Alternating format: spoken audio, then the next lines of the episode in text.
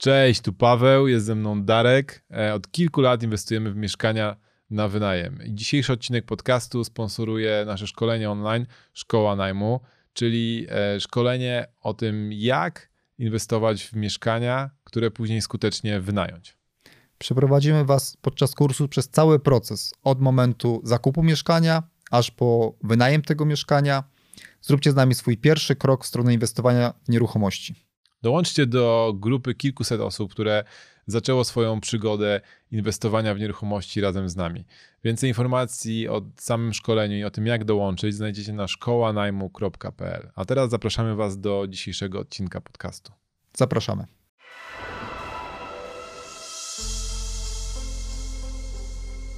Cześć, witamy Was bardzo serdecznie w kolejnym odcinku podcastu Corpo Landlord, podcastu o tym, jak inwestować w nieruchomości, pracując na etacie.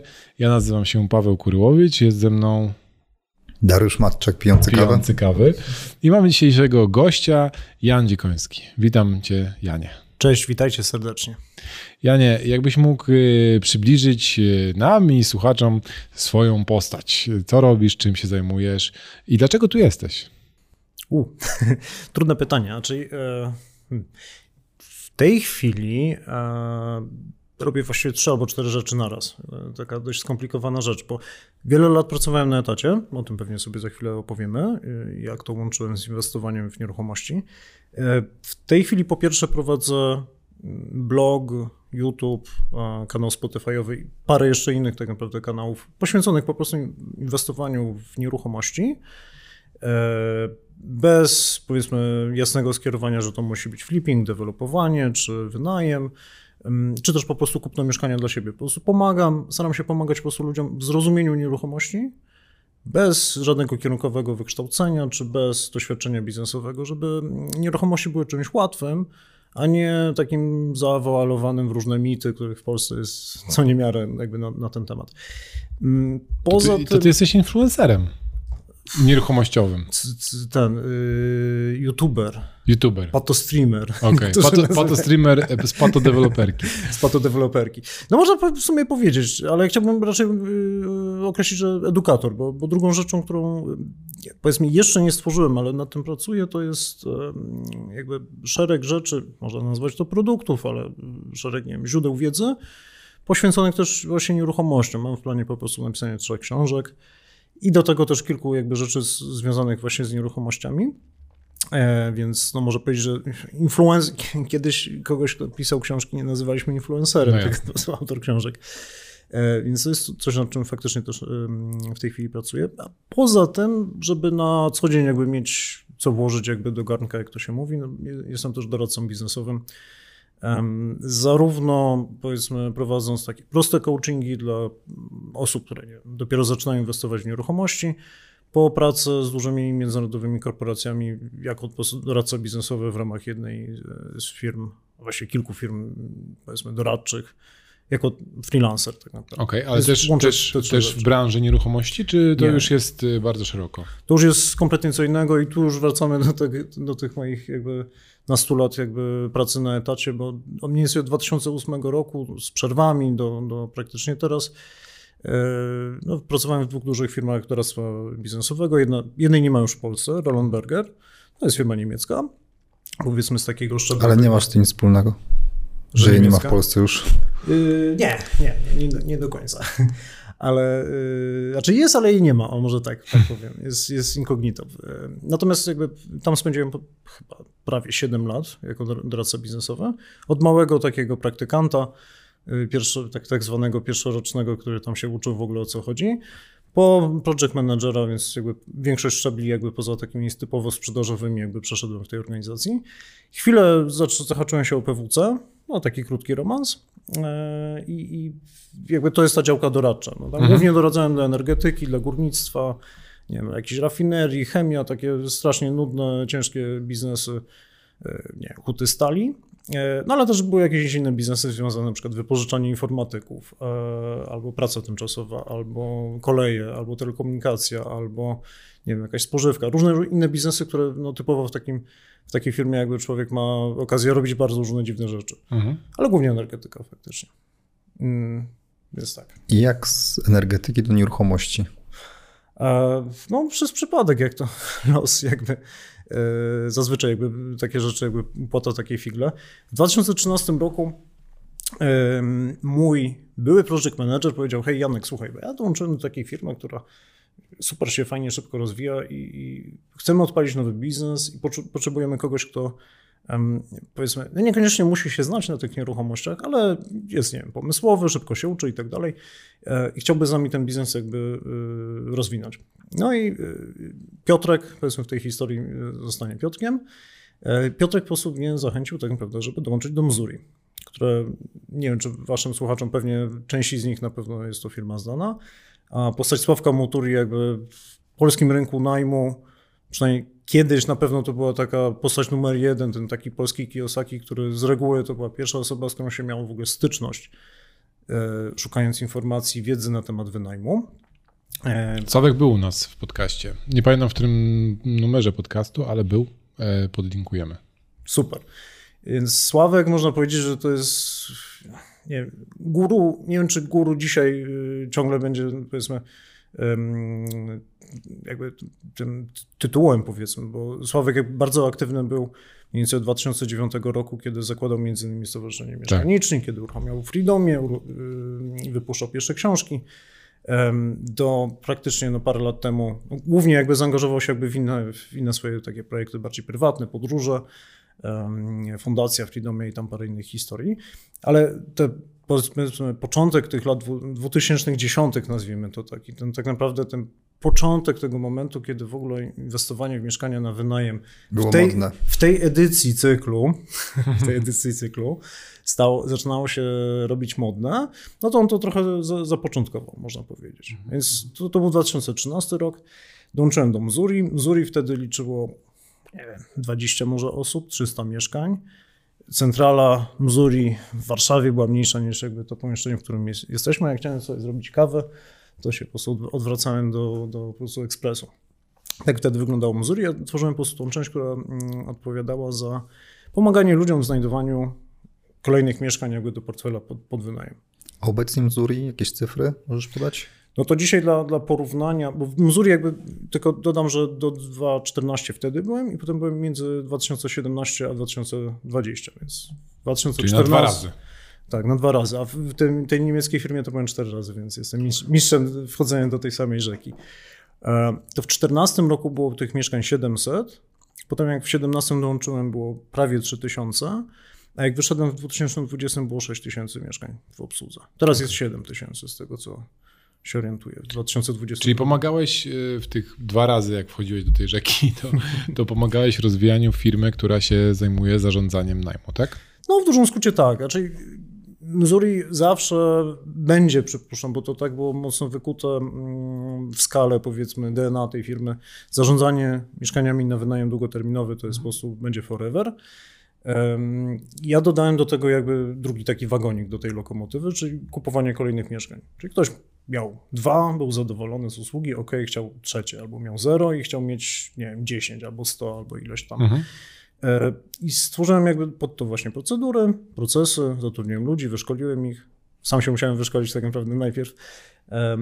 I tak naprawdę jakby ruszyliśmy też ten taki wagonik właśnie. A w tym czasie inwestowania, inwestowałeś też sam e, w nieruchomości, czy? I tutaj szef z bez butów chodził kompletnie, bo e, w 2013 roku, kiedy zaczynałem, to tak naprawdę posiadałem jedno własne mieszkanie, takie typowo konsumenckie, to jest długa historia, sprzedałem je w zeszłym roku, mhm. E, kompletnie nie nadające się do, do wynajmu, kompletnie w ogóle inna bajka.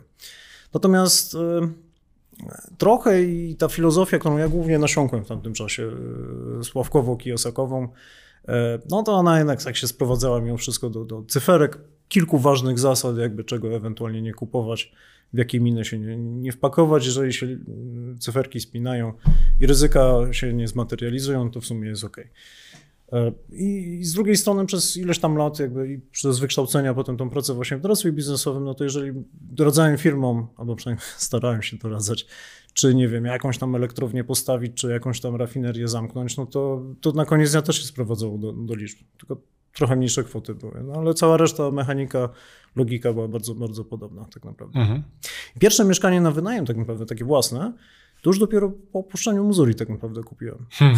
Więc to, to, było, to było trochę zabawne, ale to jest już bardziej kwestia jakby, gdzie... Ale to po tym 20, 2020 roku, czy Nie, 14, czy- 14, tym, po tym 14. pierwszym Tak. e, opuszczeniu Missouri? okej. Tak, tak, tak. Bo z jednej strony troszeczkę kapitału mi się uwolniło, Mhm. a z drugiej strony e, miałem czas, żeby się tym porządnie zająć po prostu. Wracając wtedy na etat, czyli trochę to, co... Ale co, cofnijmy się trochę. Czemu z PWC przyszedłeś do Missouri? Przecież to ciepła posada. Mm, Wiesz co, ja miałem w momencie, kiedy, i to jest bardzo fajne pytanie, jak dołączyłem do PWC e, i to jest, nie, nie wszyscy słuchacze mu- muszą znać tą firmę. To jest firma, która globalnie zatrudnia, ja nie wiem, 100 tysięcy osób mniej więcej. W polskim biurze y, w Warszawie, tylko w samej Warszawie jest pewnie pod 1000 w tej chwili zatrudnionych. W całej- Polsce pewnie będzie nie wiem, 3000 osób. Ileś tam linii biznesowych i tak dalej. No Nie ma szansy, żeby znać wszystkich ludzi. No i to jest ewentual, y, ewidentnie tak zwane korpo, z wszystkimi plusami dodatnimi ujemnymi. E, A ja już stwierdziłem, kurczę, no dobra, już Wszedłem do, drugi raz do tej rzeki takiej korporacyjnej, znaczy pracy na etacie, tych wszystkich tam sz- szczebelkach i tak dalej. I wydawało mi się, że w momencie jak ja zmieniałem z poprzedniej firmy na PWC, to mi się wydawało, że problemem jest firma. A problemem w moim przypadku chyba jednak się okazało, że po prostu forma pracy. Znaczy praca na etacie dla kogoś, tych e, nie wiem, mid-management w tamtym czasie i tak naprawdę tam pracowanie, ok, żeby zostać jakimś tam partnerem czy dyrektorem i tak dalej.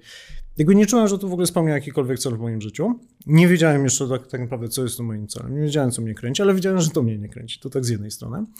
A z drugiej strony też miałem taką sytuację finansową, że mm, mając ileś mieszkań na wynajem, to już w ogóle będąc w tym PWC, to już miałem taki bardzo fajny komfort, że e, w ogóle nie stresowałem się pracą pod tym kątem, że ojej, zawalę projekt, to mnie zwolnią. Okej, so what? No jakby dochody, które miałem właśnie w tamtym czasie z mieszkań na wynajem, one już spokojnie jakby pokrywały takie bardzo podstawowe koszty życia, typu jakaś tam rata na kredytu, e, jakieś tam opłaty, jedzonko, inne tam głupoty A jeszcze zostały. Bo się pogubiłem. Myślałem, że ty zacząłeś inwestować dopiero w Missouri. W 2014 roku. Po Missouri. A, okej. Tak, tak, to, to właśnie zakręciłem tej całej historii, to musiałbym taką oś czasu.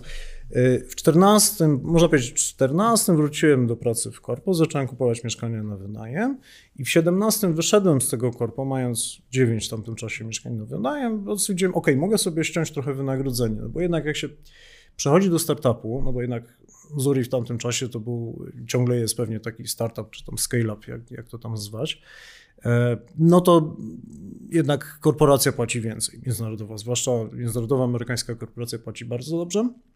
Z reguły to jest pay cut, no i raczej to jest zamiana bieżącego wygodnego na coś, co jest niepewne i gdzie trzeba zapracować, zakasać rękawy, ale z drugiej strony jest przygoda, jest fan i, faktycznie coś tam budujemy. No bo ja dołączyłem jako dyrektor, ale po pół roku tak naprawdę jako już członek zarządu e, odpowiadający za, za kilka linii biznesowych, więc jakby dużo odpowiedzialności na mnie spłynęło, więc jakby no to trzeba było, trzeba było wziąć na klatę z jednej strony, więc e, komfort pracy się na pewno pogorszył, no bo to już nie było tak, że organizacja coś zrobi za mnie i w ogóle, no to jednak ja już byłem odpowiedzialny razem z resztą koleżeństwa. E, Ale z drugiej strony, no te możliwości, to, że powiedzmy, można było kreować to, co się dzieje, no to jakby było, można powiedzieć, wynagrodzenie za, za to wszystko. Ale to się sprowadzało po prostu do tego, że jakoś tak do mnie doszło, że no ta praca w korpo mnie nie kręci po prostu. Tak na dłuższą metę. Tak, no, to w ogóle to jest ciekawa dyskusja, bo ludzie jak patrzą na pracę na etacie, to widzą tytuł i wynagrodzenie. Tak naprawdę jest jeszcze tak, czy to, co robisz, cię kręci, czy cię rozwija, e, ile zajmuje ci czasu dziennie, czy ta praca cię męczy, czy nie męczy, więc tych aspektów jest bardzo dużo i, i ani tytuł, ani kasa nie są wcale najważniejsze w tej całej zabawie.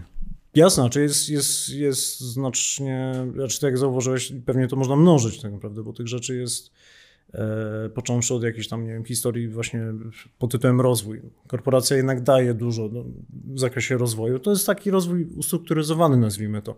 Szkolenie takie, program taki, e, nie wiem, y, transfer owaki. Jeżeli się pracuje w nie wiem, startupie, czy, czy własną firmę się rozwija, to jest raczej takie learning by doing, że tak powiem, ale to jest inny sposób jakby uczenia się. E, To jest y, bańka ludzi, w której się jakby trochę przebywa. No, w korporacjach międzynarodowych znajdziemy innych ludzi niż znajdziemy typowo na przykład w startupach, inaczej niż wiem, w sektorze publicznym. czy, czy powiedzmy przedsiębiorców, to są kompletnie bardzo często różni ludzie.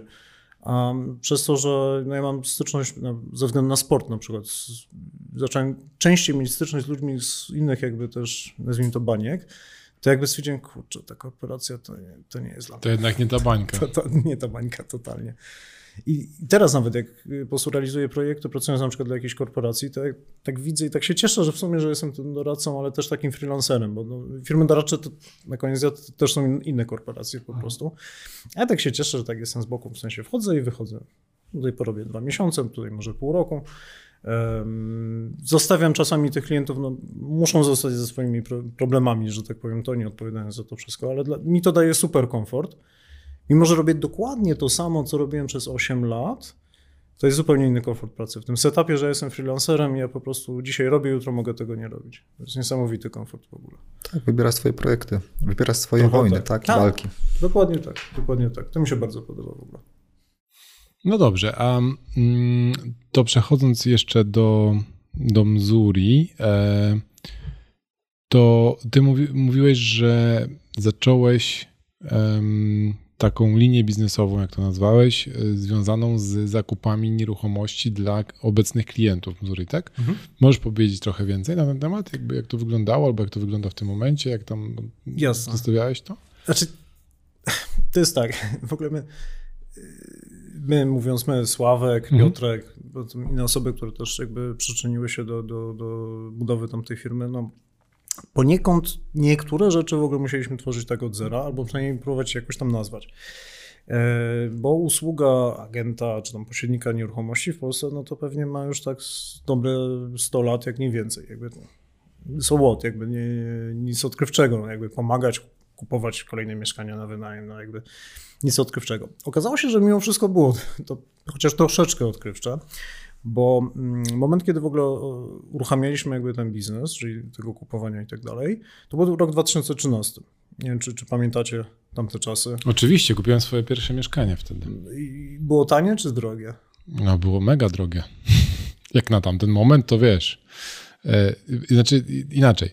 Ja zawsze używam stwierdzenia, które mi kiedyś powiedział taki człowiek, do którego pracowałem, że mieszkania zawsze są tak, samo drogie bo y, na dany moment wszyscy tak samo widzą rynek. W sensie, wiesz, jak, po czasie możesz powiedzieć, że coś było tanie, mhm. tak? Ale w, w, danym momencie, gdyby było tak, że wszyscy wiedzą o tym, że, że, czują, że to jest tanio, no to by się po prostu życzyli, już by nie rzucili na te zakupy, już by nie było tanio, tak? To, to, to prawda, ale to, to, było, to inaczej. Było inaczej na pewno. Na pewno było inaczej, bo pamiętam, jak ja kupowałem swoje mieszkanie, to rozmawiałem ze sprzedającą dobre myślę, że dwa miesiące. Mhm. Tam była bardziej skomplikowana sytuacja, mhm. ale prawda była taka, że e, pomimo tego, że tam ktoś przychodził i oglądał to mieszkanie, no to nie było tej presji takiej, że wiesz, tam jest, stoi, stoi kolejka chętnych i mhm. po prostu jak ja nie wezmę, to weźmie ktoś inny za 20 minut, który przychodzi oglądać, tak? Um, znaczy ludzie się pukali, co robisz w ogóle. Tak, tak, tak. To właśnie chciałem zwrócić na to uwagę. Jak że... kupowałem to mieszkanie, to znajomy, który mi załatwiał kredyt, który do tej pory zresztą e, i mi, Narkowi, pomaga w, e, w kredytach hipotecznych, to pytał się mnie, no jak się czujesz, będąc posiadaczem tak dużego kredytu? Ja mówię, no ale wiesz. Jaka to no, była kwota? To było około 500 tysięcy złotych. Okej, okay. no to nie taka mała. No, tylko że to też było 70-metrowe mieszkanie, mhm. tak? Więc to, to, to, wiesz, to na, dzisiejszy, tak. na dzisiejsze realia to, to równie dobrze to mogło tam koszto, to kosztować pewnie ponad bańkę. Mhm. I ja mówię, no, no, wiesz, no, to jest inwestycyjne, jakby wiem, że to się będzie spłacało z tego, z tego najmu i tak dalej, to, to spoko. Nie, no wiesz, to ja tylko się cię pytam, bo to taka poważna, taka poważna mhm. decyzja w życiu. A prawda była taka, że jak teraz na to patrzę, no to mieszkanie było śmiesznie tanie, tak? Tylko na tamten moment, jak rozmawiałem z kimkolwiek, dookoła, no to nikt nie uważał, że to mieszkanie jest, wiesz, mega tanie, tak? Że to jest po prostu przecena, która, na którą należy się rzucić. Jasne. Było widać po dwóch latach, nie? Ale y, bardziej zwrócę uwagę na to, co, co powiedział Darek. Ludzie się pewnie mogli pukać w głowę. Jak powiedziałem moim rodzicom, którzy są w ogóle związani z nieruchomościami, bo są architektami. Więc oni jakby żyją trochę tymi cyklami. Jak jest marazm na rynku, no to oni mają mało zleceń. Jak jest gorąco na rynku, to mają dużo zleceń. Tak. Więc jakby też mają to poczucie. Zdrowy jesteś w ogóle, jakieś mieszkania na wynajem, w ogóle o co, o co chodzi, gdzie w ogóle, jakie nieruchomości. 13 rok to, był taki, to były takie czasy, ten 13-15, kiedy jak się szło na przetarg, no to z reguły nie było nikogo po prostu. Tak. I za pierwszym postąpieniem pyk. Ja kupując swoje mieszkania, tam połowę mniej więcej kupiłem w przetargach, to było trochę później, to chyba na jednym przetargu miałem faktycznie konkurenta, ale cena wywoławcza to było 17 tysięcy. 1,7, mhm. 17. Mhm. I się biliśmy do 33. I wymiękł. W, w Łodzi? Nie, w Chorzowie akurat. To okay. był Chorzów. E, mała kawalerka, 18 metrów. Najlep najlepszy zakup w ogóle do mojego portfela. No ale e, chodzi o to, że to były takie czasy, kiedy jakby to nie było takie proste, żeby zachęcić ludzi do inwestowania, e, ale bardzo było łatwo okazję. Znaczy coś, co jak włożyliśmy do Excela i to, co ja zrobiłem, żeby stworzyć tą firmę, to były jakby narzędzie, prosty Excel, ja właśnie go trochę tylko zaadaptowałem, który podając jakby kilka, kilka parametrów, laik, ktoś, kto się na tym nie znał, jeżeli dobrze tylko te parametry dobrał, no to mógł wyliczyć, że a, to mieszkanie pewnie będzie dawało 6%, a to może 10%, więc może to za 10 jest fajne, to może wyślemy go do klientów. Więc jakby wtedy oferty z okazjami to nie było problemu. Bo problem był z klientami, no bo wtedy kurczę, jakieś mieszkanie na wynajem. I tutaj działała magia Sławka, który wtedy oczywiście no, jakby i zarówno jego książki, Freedomia, Mieszkanicznik, gdzie on wtedy był mocno zaangażowany nadal. Edukował jakby, rynek. Dokładnie, on edukował rynek i jakby siłą rzeczy przynosiło klientów. No później to jakby sytuacja o tyle się zmieniała, że jakby inwestowanie w mieszkania na wynajem było coraz, coraz to bardziej popularne, jeszcze coraz bardziej, coraz bardziej, coraz bardziej, ale tych okazji coraz mniej było. To była ta różnica. Ale to, co właśnie na początku wtedy stworzyłem, to po prostu narzędzie, pierwszych tam 15 osób, pierwszych tam kilkudziesięciu klientów, no i to już jakoś tam poleciało. Jak wróciłem tak naprawdę w 17 roku, to ten zespół y, od 13 chyba 700 mieszkań kupił mniej więcej. Okay. Większość była do remontu, jakieś pewnie 500 mhm. było wyremontowanych, ileś tam kamienic jeszcze po drodze było, bo to, to jakby była druga, druga moja noga, czyli kupowanie też kamienic. Um, działki potem też się pojawiały, no i tak dalej. Więc jakby to, że w 13 roku, jak mówiłem przed chwilą, muszę z mhm. butów chodzi, kupiłem pierwszą kamienicę, Łodzi, tak trochę popychany przez Sławka. On nie wiedział chyba, co robi wtedy, tak naprawdę. W ogóle nie wiedzieliśmy chyba, co robimy wtedy, ale no udało się. Niesamowity sukces. Ale to trochę ta magia niskiej ceny. W którym miejscu kupiliście? Pabienicka, 35. Okej. Okay. To górna, tak od górniaka tam w kierunku szpitala bodajże tam się jedzie. Super inwestycja. No 700 zł za metr kwadratowy, pół budynku puste. Mm, oczywiście tam trzeba było wrzucić granat, nie wiadomo co tam jeszcze się działo. Dużo oczywiście szczęścia, mhm. szczęścia w nieszczęściu czasami jak, jak, jakby się pojawiało.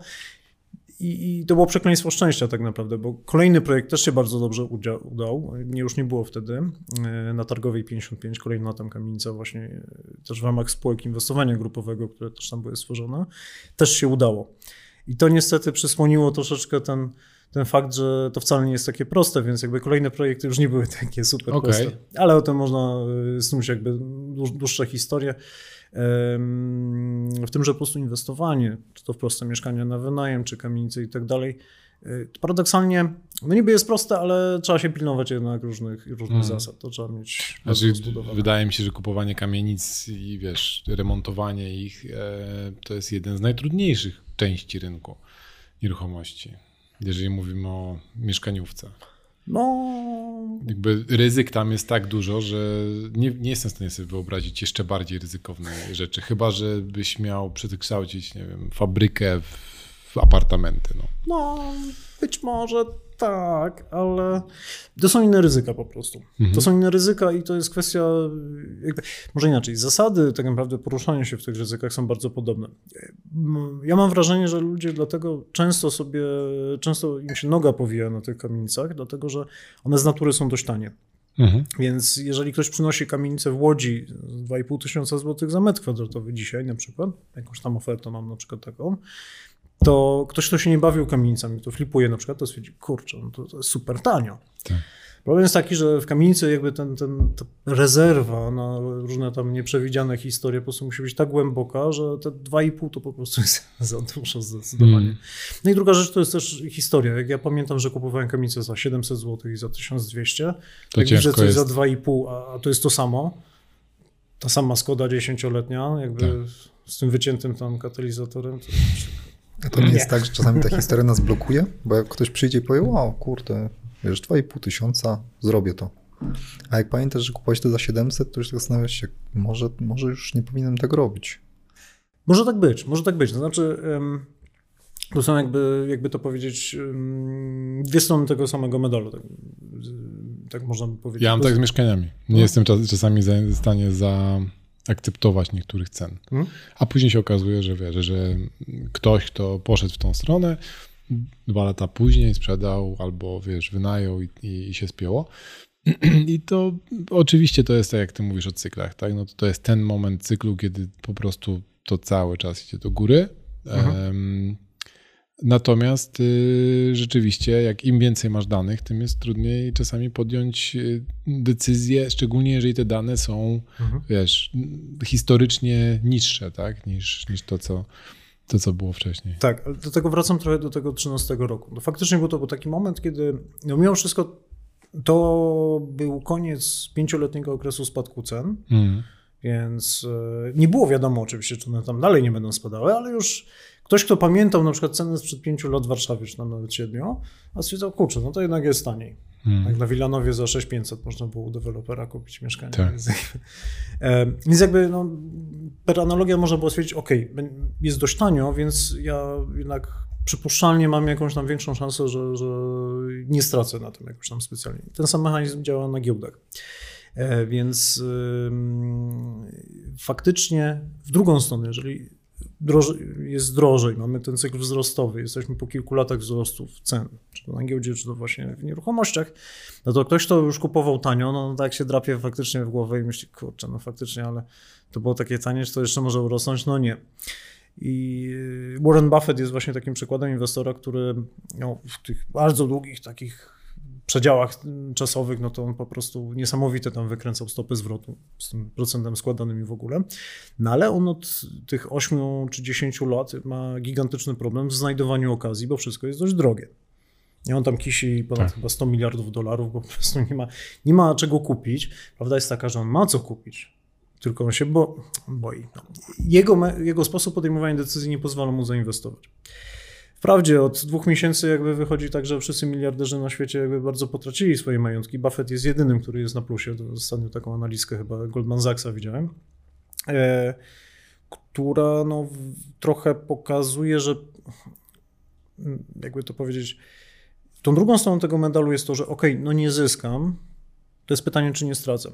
Bo y, wśród takich, no nie wiem, takich głównych no, haseł, powiedzmy, inwestowania, pierwsza zasada, czy tam któraś dowolna zasada, nie tracić. Najgorzej się odpracowuje pieniądze, które się straciło. Fajnie, że komuś tam urosło na tej teś, Tesli, Bitcoinie i tak dalej. Fajnie, że on z tym pojechał do góry. No ale szansa, że straci jest znacznie wyższa niż ktoś, kto inwestuje w bardzo nu- nudną nieruchomość, która po prostu nieruchomość, czy tam ak- akcja jakiejś spółki, która powiedzmy jest nudna, może tak nie rośnie tak spektakularnie, ale też za bardzo spektakularnie nie spada. Jan, bo ty teraz się zajmujesz em, analizami rynku. Bardzo często widzę na twoim socialach, em, że, że podejmujesz takie próby analizy tego, jak to wygląda w dzisiejszych czasach i te, co może się dalej, e, dalej wydarzyć. Mm, Jak ty oceniasz w tym momencie mm, sytuację na rynku? Mówię, Rynku nieruchomości. rynku nieruchomości oczywiście. I e, żeby doprecyzować, to chodzi mi o takie długoterminowe spojrzenie, bo oczywiście Mhm. możemy sobie myśleć o ostatnich tam dwóch, czterech, pięciu, dziesięciu miesiącach, tak? Mhm. Natomiast właśnie ja bardziej nawiązuję do, do tego, o czym ty mówisz, że co było w 2013 roku, czyli te, ten, o te odbicie od dołka e, i co dalej, tak? Jakby Mhm. i jak, jak, jak widzisz ten rynek w tym momencie? Ja, E- ja skrócę to pytanie, kupić czy nie kupić? Właśnie na, na, na, OFIE dyskutowaliśmy na ten temat, że to jest strasznie trudne pytanie i oczywiście odpowiem, to zależy.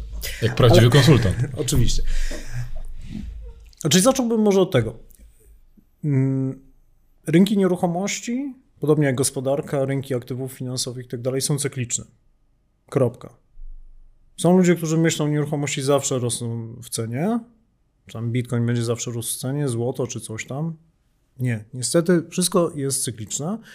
bo mm, jakby na to się nakłada kilka cykli. Po pierwsze cykl mm, długu, można powiedzieć, zadłużania się i oddłużania się gospodarek, ludzi, firm i tak dalej. Cykle nastrojów, są momenty, kiedy jesteśmy euforyczni i w ogóle wszystko się super udaje, tak jak kupowanie nieruchomości na początku 2019 roku. Nie wiem, czy pamiętacie taki okres, kiedy nie było pandemii, bo dzisiaj pandemia trochę może przesłaniać różne mhm. rzeczy, ale początek 2019 roku to było po prostu wow. Rośnie, nie spada, czynsze rosną, ceny rosną, super, wszystko się wynajmuje, Ukraińcy przyjeżdżają, jest bomba. No po prostu wtedy była euforia. A porównując to do 13 roku, kiedy był marazm, na zasadzie jak mówisz nieruchomość, to, to w ogóle dzisiaj, wiesz, siadasz do taksówki i od razu możesz dać no, podnajmie o flipach, czy o tam czym, czymkolwiek innym z tym taksówkarzem sobie pogadać. To też jest cykliczne. I mm, te cykle powodują, że w danym momencie czasu jesteśmy w dołku, w górce, w kierunku górki, w kierunku dołka, albo na, gdzieś na tej sinusoidzie. I nigdy nie wiadomo, co będzie przed nami.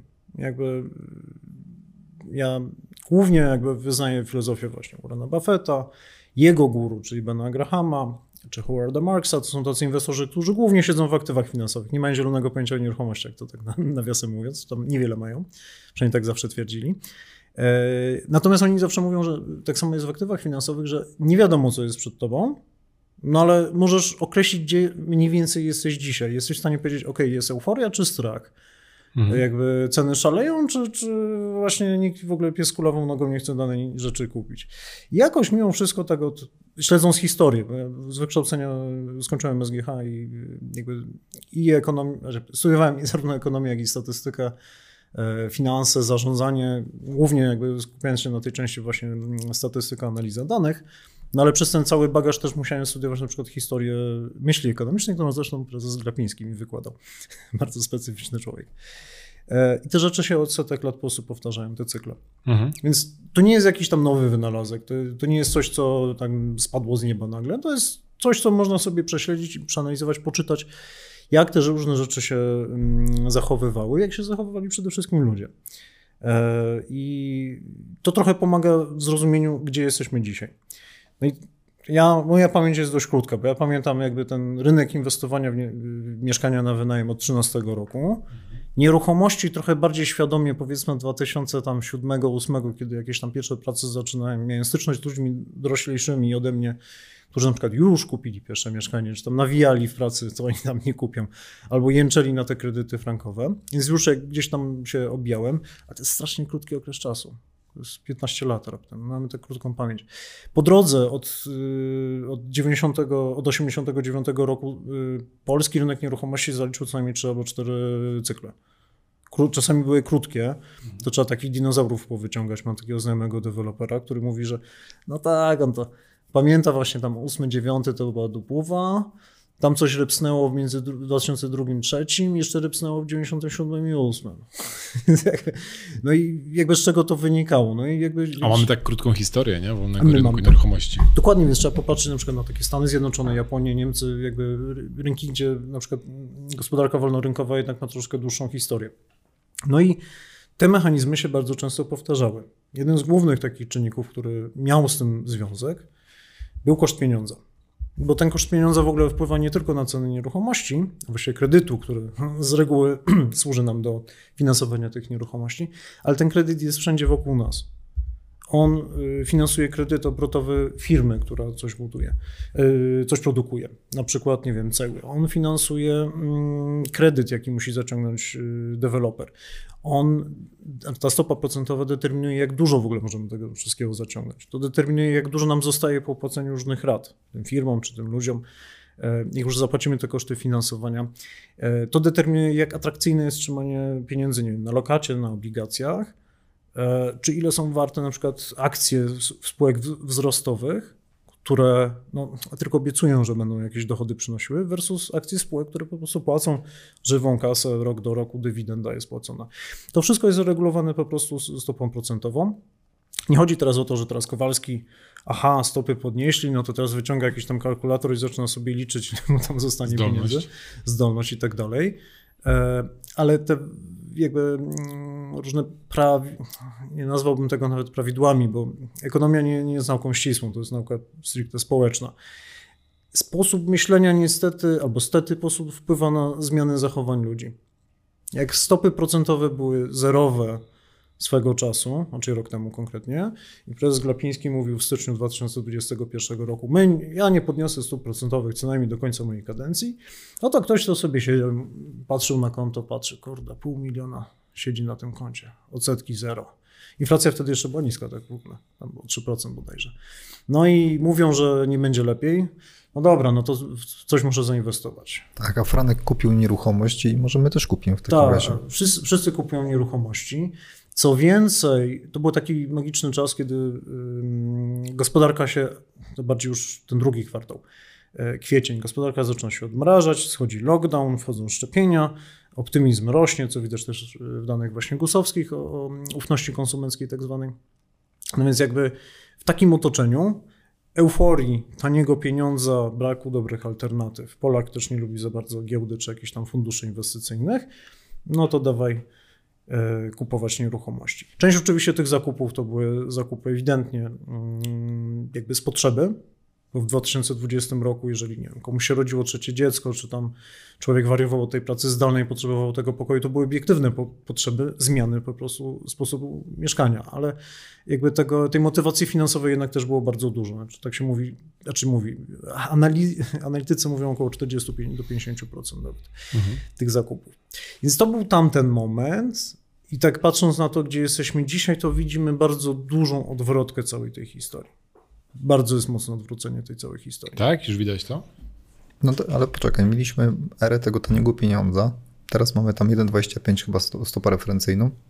2,25. To 25 już jest? Stopa referencyjna, ale stopa referencyjna to jest tylko poziom, który ustala y, tam na Świętokrzyskiej Rada Polityki Pieniężnej. To jest, tak. to jest poziom y, wymiany między bankami a, a Narodowym Bankiem Polskim.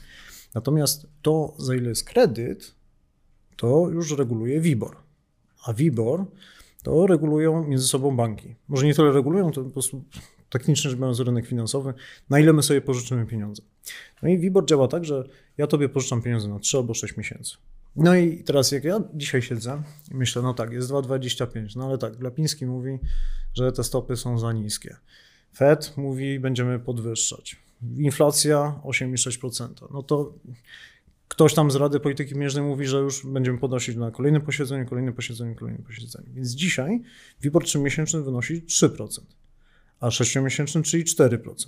A stawka terminowa za pół roku na WIBORze 3-miesięcznym wynosi 4,5%, bo rynek już się domyśla i zakłada, że te stopy pójdą do góry.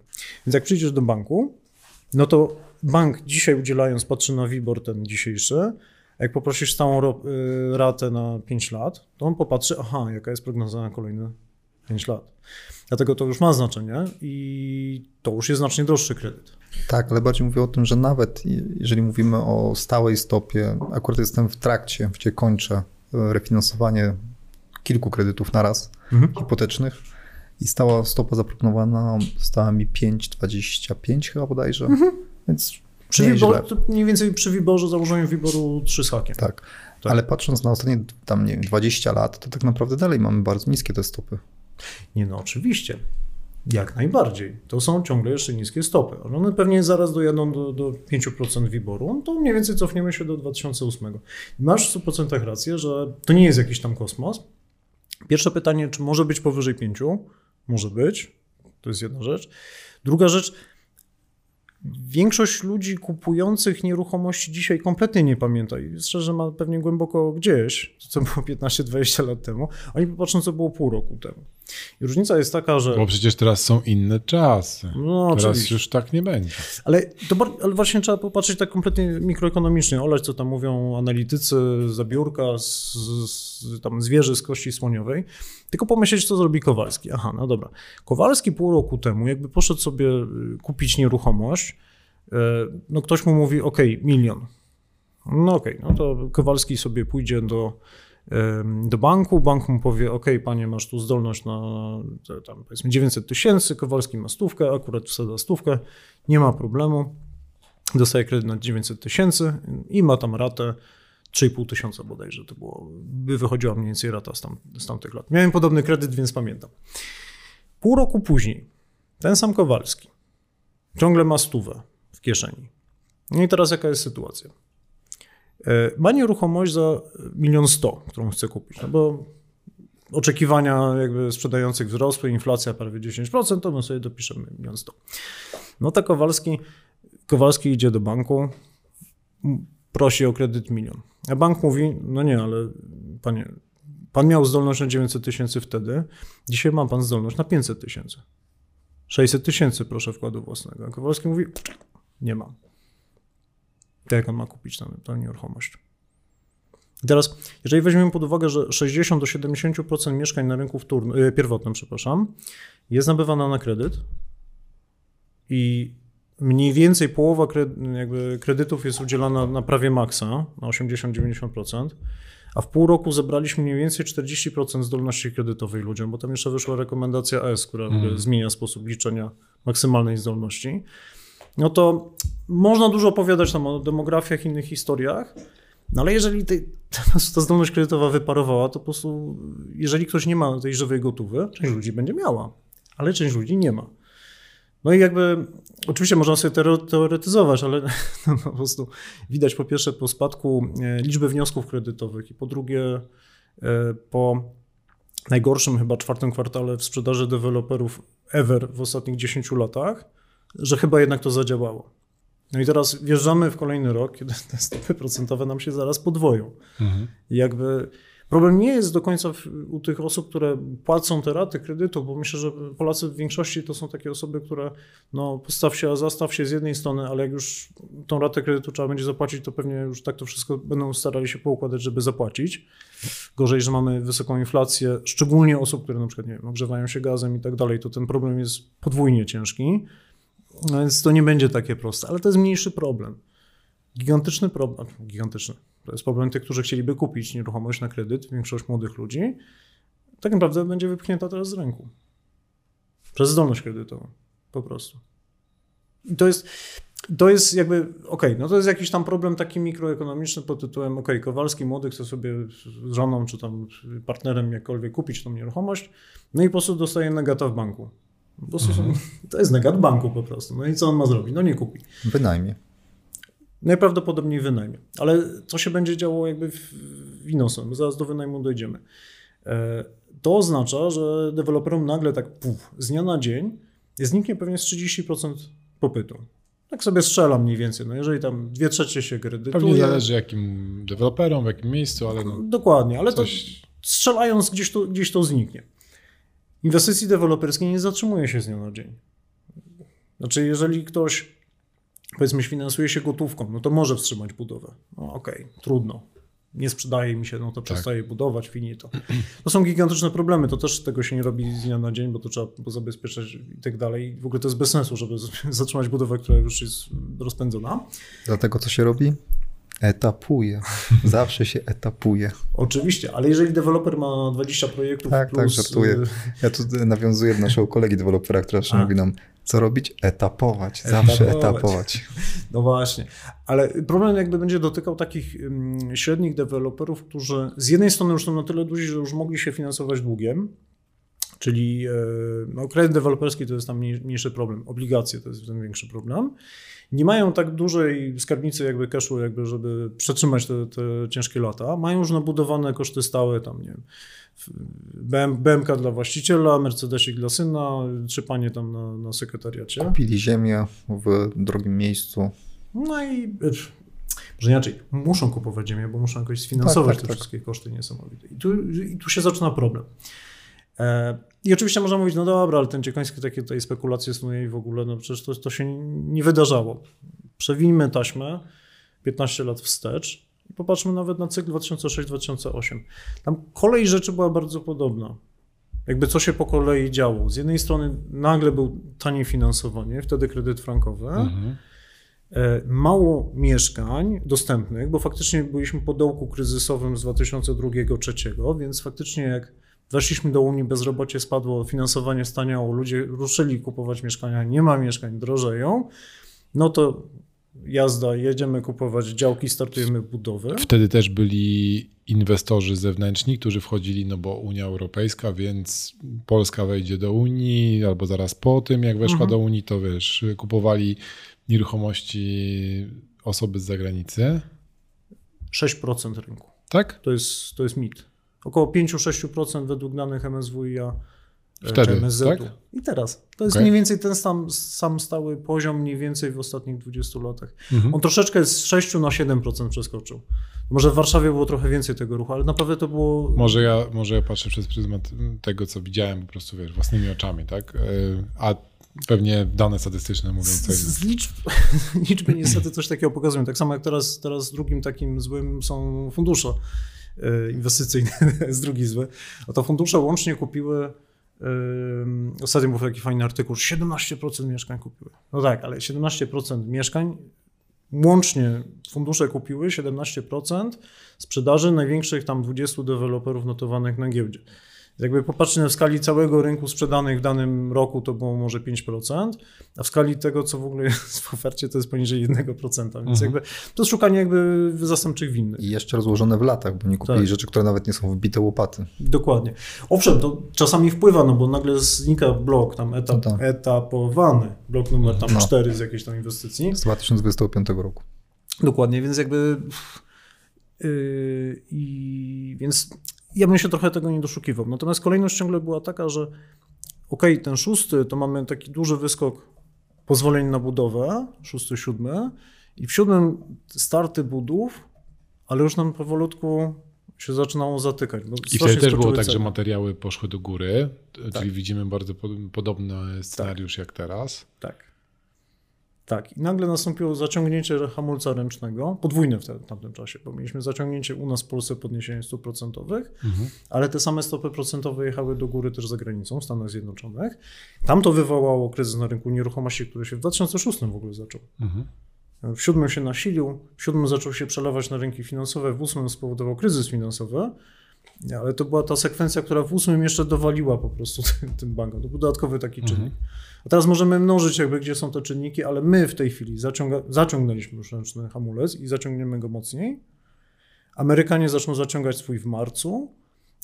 Wielka zagadka, kiedy zacznie strefa euro zaciągać. Jak zaciągają Stany i strefa euro, to nasz hamulec trzeba jeszcze bardziej docisnąć. Albo mamy złotówkę, raczej euro za 5 zł Mhm.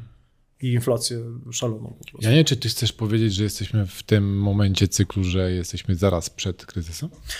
Nie powiedziałbym, że koniecznie przed kryzysem, ale to jest taki moment, że jakby to powiedzieć, no, ten, kto nie ma gotówki, kto się kredytuje albo ma kredyty, no to jest w gorszej sytuacji. Ten, kto ma gotówkę, no to dla niego to nie jest kryzys, tylko potencjalny wysyp okazji. Mhm. No bo y, czym jest stopa procentowa? Jakbyście ją tak powiedzieli? Wysyp okazji, ale w momencie, kiedy mieszkania stanieją, bo na dzień dzisiejszy jeszcze tego nie widzimy, tak? Za- Zaraz wrócimy do cen, ale czym jest stopa procentowa waszym zdaniem? Jakbyście tak laikowi jednym słowem albo zdaniem mieli wy- wyjaśnić, co to jest stopa procentowa? To jest je, jeden z kosztów pieniądza. Mhm. Cena pieniądza. Dokładnie. Jeżeli cena pieniądza rośnie, no to cash zyskuje na wartości. Cash is king. Mhm. Equity is King Kong, jak mnie tam uczyli. Ten, kto ma gotówek, kto się przygotował na tą sytuację, potencjalnie, bo może, może to wyczuł, no to potencjalnie ma, ma większą kartę przetargową. I oczywiście w cenach statystycznych raczej nie będzie tak, że te ceny tam 30% w dół polecą, bo nawet jeżeli popatrzymy na tamtą sytuację, w 5 lat, 5 lat aż zajęło, żeby ceny w Warszawie średnie spadły o 30%. To jest 6% rocznie. To nie jest jakiś tam ekspresowy spadek. Mhm. Bitcoin potrafi się wachnąć o 20% w tydzień. To, to jest jakby inna bajka. Natomiast w też, zależności co zatwituje e, Elon Musk, prawda? dokładnie. Ale to jest średnia temperatura w To jest influencer. Uf. No. Dokładnie. Ale to jest średnia, średnia, średnia temperatura w szpitalu, bo to jakby średnią jest to, że jesteśmy w połowie łysi tutaj w tym pomieszczeniu. bo To jest dwóch takich, takich. I to jest w ogóle, to jest jakiś bezsens, nie? To jest średnia. Ale wiecie, jak już No, jesteście u ciebie takie zakola, powiem Ale tu ci, że tu jeszcze tutaj chwila. jest No. taki mnich Ja też tak miałem na początku. Ja Wiem, wiem. A potem, potem, cię, za, zdjęcia. a potem cię O za, Boże. zapytam, jak to się tam robi. Natomiast chodzi o to, że jak jest gorzej na tym rynku, to yy, kolejki do deweloperów jakieś takie krótsze. Mhm. Na tych przetargach jakoś mniej ludzi. Jakoś tak łatwiej się negocjuje z tymi sprzedającymi. Zmienia się w ogóle po prostu percepcja jakby tego, jak, jak się w ogóle negocjuje cenę i jaką faktycznie można urwać. A jeszcze na 10 osób, które zrobiło jakiekolwiek zakupy ostatnio w nieruchomościach, 5 się sparzy, mhm. no to nagle jest opinia, że ogólnie te nieruchomości takie skończone. Kiepskie i to w ogóle to, to, to, to, się nie inwestuje. Nie? I... Może tak być. Może tak być. I ja to pamiętam właśnie w 2013 roku, że to było takie nieruchomości. I wtedy kupujemy. No tak, no bo i znowu wracam do Buffetta, bo dużo część ludzi, i to w Polsce się ludzie tak parzą bardzo efektywnie na giełdzie, jak rosną ceny akcji czy tam czegokolwiek, to kupują. No, ja, ja wyznaję zasadę, że się spada z wysokiego konia, to bardziej boli niż z jakiegoś takiego małego kucyka. E, I Buffett ma odwrotną jakby filozofię. Jak są przeceny, coś tanieje, jest, wiecie, jak w sklepie kola jest tańsza, no to kupujesz więcej coli, jak jest droższa, no to kupujesz mniej. No to jest naturalne. Inflacja tak dokładnie działa. Inflacja wzrosła, sprzedaż detaliczna w Polsce spadła. To, to realna. To jest naturalne zachowanie, więc po jaką cholerę kupować więcej nieruchomości, jak drożeją? No nie, mhm. no trzeba poczekać na spadki. Jakby, tylko one mają taki jakiś magiczny magnes jakby przyciągający, że ludzie jednak ciągną za nimi, jak one drożeją. E, nie wiem, jaka będzie przyszłość, natomiast jeżeli tak, dodam to, o czym mówiliśmy o tych tam kredytach. Nie wszyscy się kredytują. Jest duża część gotówkowców przecież. Tak. A ona spada, tak jak zauważyłeś. Teraz y, też czytałem, to chyba w raporcie NBP ostatnim było, 70% jest y, kredyt, osób, które się kredytują, tak jak powiedziałeś, a jeszcze yy, rok temu było 50. na rynku pierwotnym. Tak, a jeszcze na rok temu było 50. Tak, na rynku pierwotnym, na rynku inwestycyjnym jest tego 20-30%. To, to są dane z NBP-u. Yy to jest chyba raport o ryzykach finansowych chyba systemu, czy coś tam. No bo NBP bada, co się dzieje na rynku nieruchomości po to, żeby badać, na ile banki są jakby eksponowane na jakieś ryzyka. Mhm. Z tego to wynika. Tak, i oni w ogóle co kwartał wypuszczają super raport, gdzie jest tak. mnóstwo danych, jeszcze tak. w Excelu wypuszczają go w tak. ogóle. tak, tak magia. Jest. No i okej, okay, no ale to pomyślmy o tych inwestycyjnych, tych, którzy kupują mieszkania na, albo na wynajem, albo tak zwane tezauryzacje, czyli kupują chałupę i ona stoi pusta, to, to już jest, jeżeli w ogóle coś takiego ma miejsce, to w ogóle to już jest crazy sytuacja, a w ostatnich dwóch latach miało jej znacznie więcej jakby miejsca niż wcześniej. To jest taka crazy sytuacja jak Chiny, gdzie tam chyba ze 100 milionów mieszkań stoi pustych, prostu one są nikomu niepotrzebne, bo oni tak sobie wykuli sposób na oszczędzanie. Na nich nieruchomość jest. Tam jak deweloper obniża ceny, to tam są protesty na ulicach i oni tam się leją po prostu. Mimo, że partia i w ogóle to jest zamordystyczny kraj. To, tam, tam ta tezauryzacja działa bardzo mocno. O tym bardzo dużo mówi na przykład Kasia Kuniewicz, która lata pracowała w Reasie, potem JLL-u, teraz chyba w, Elixie jest analitykiem. I ona właśnie mówiła w ostatnich dwóch latach, że znacznie wzrosła liczba tych takich zakupów tezauryzacyjnych. Ja widziałem takich klientów, co przynosili 20 mieszkań, 10 w jednej inwestycji, 10 w drugiej. E, mówiliśmy im jeszcze w Missouri, że hej, to może ci to wynajmiemy, będziesz jeszcze zarabiał tam 5%. A ile kosztuje wasza usługa? 11%. Czynszu netto tego tam co miesiąc. 150 zł na mieszkanie. E, to ja nie chcę. Wolę, żeby stało puste. Ten, ten typ ludzi. Ileś takich mieszkań w Polsce jest? Y, mówi się, że to nie wiem, jest od 50 do, do 150 tysięcy sztuk. Pustych mieszkań, które stoją nie wiadomo po co. I trzeci gatunek takiego kupowania inwestycyjnego no to jest oczywiście flipping. Teraz jak stopy procentowe jadą do góry, to kupowanie tezauryzacyjne jest bez sensu, no bo tam się spekuluje, że cena wzrośnie. Mhm. No to jeżeli teraz widzimy, że no dobra, jak na lokacie gość miał zero, no to faktycznie to, to taka spekulacja może miała większy sens. Jak na lokacie, no dzisiaj ma mizerne 2,5, no ale już na jakiejś obligacji y, skarbowej będzie miał 3 do 4%. Jak sobie kupi inflacyjną, to będzie miał nawet 8-9, więc jakby zaczyna się zmieniać trochę ta kalkulacja. Ma kupić na wynajem w Warszawie laik, który nie wie, jak się wyciąga okazję. No to co on zrobi? 4-5%? No to tak, pół roku temu to było, o, nieźle, nie? Dzisiaj? Kurde, no. trzeba, być, trzeba byłoby być naprawdę szalonym, żeby kupować na 4-5% dzisiaj. W tym samym raporcie NBP mówi, że obecnie chyba średnia stopa zwrotu jest 2,9%. Oni chyba też konserwatywnie liczą na takich znowu średnich temperaturach szpitalu, ale przypuszczam, że jak ktoś pójdzie na Powiśle i kupi na Powiślu mieszkanie, to to może mieć nawet dwa.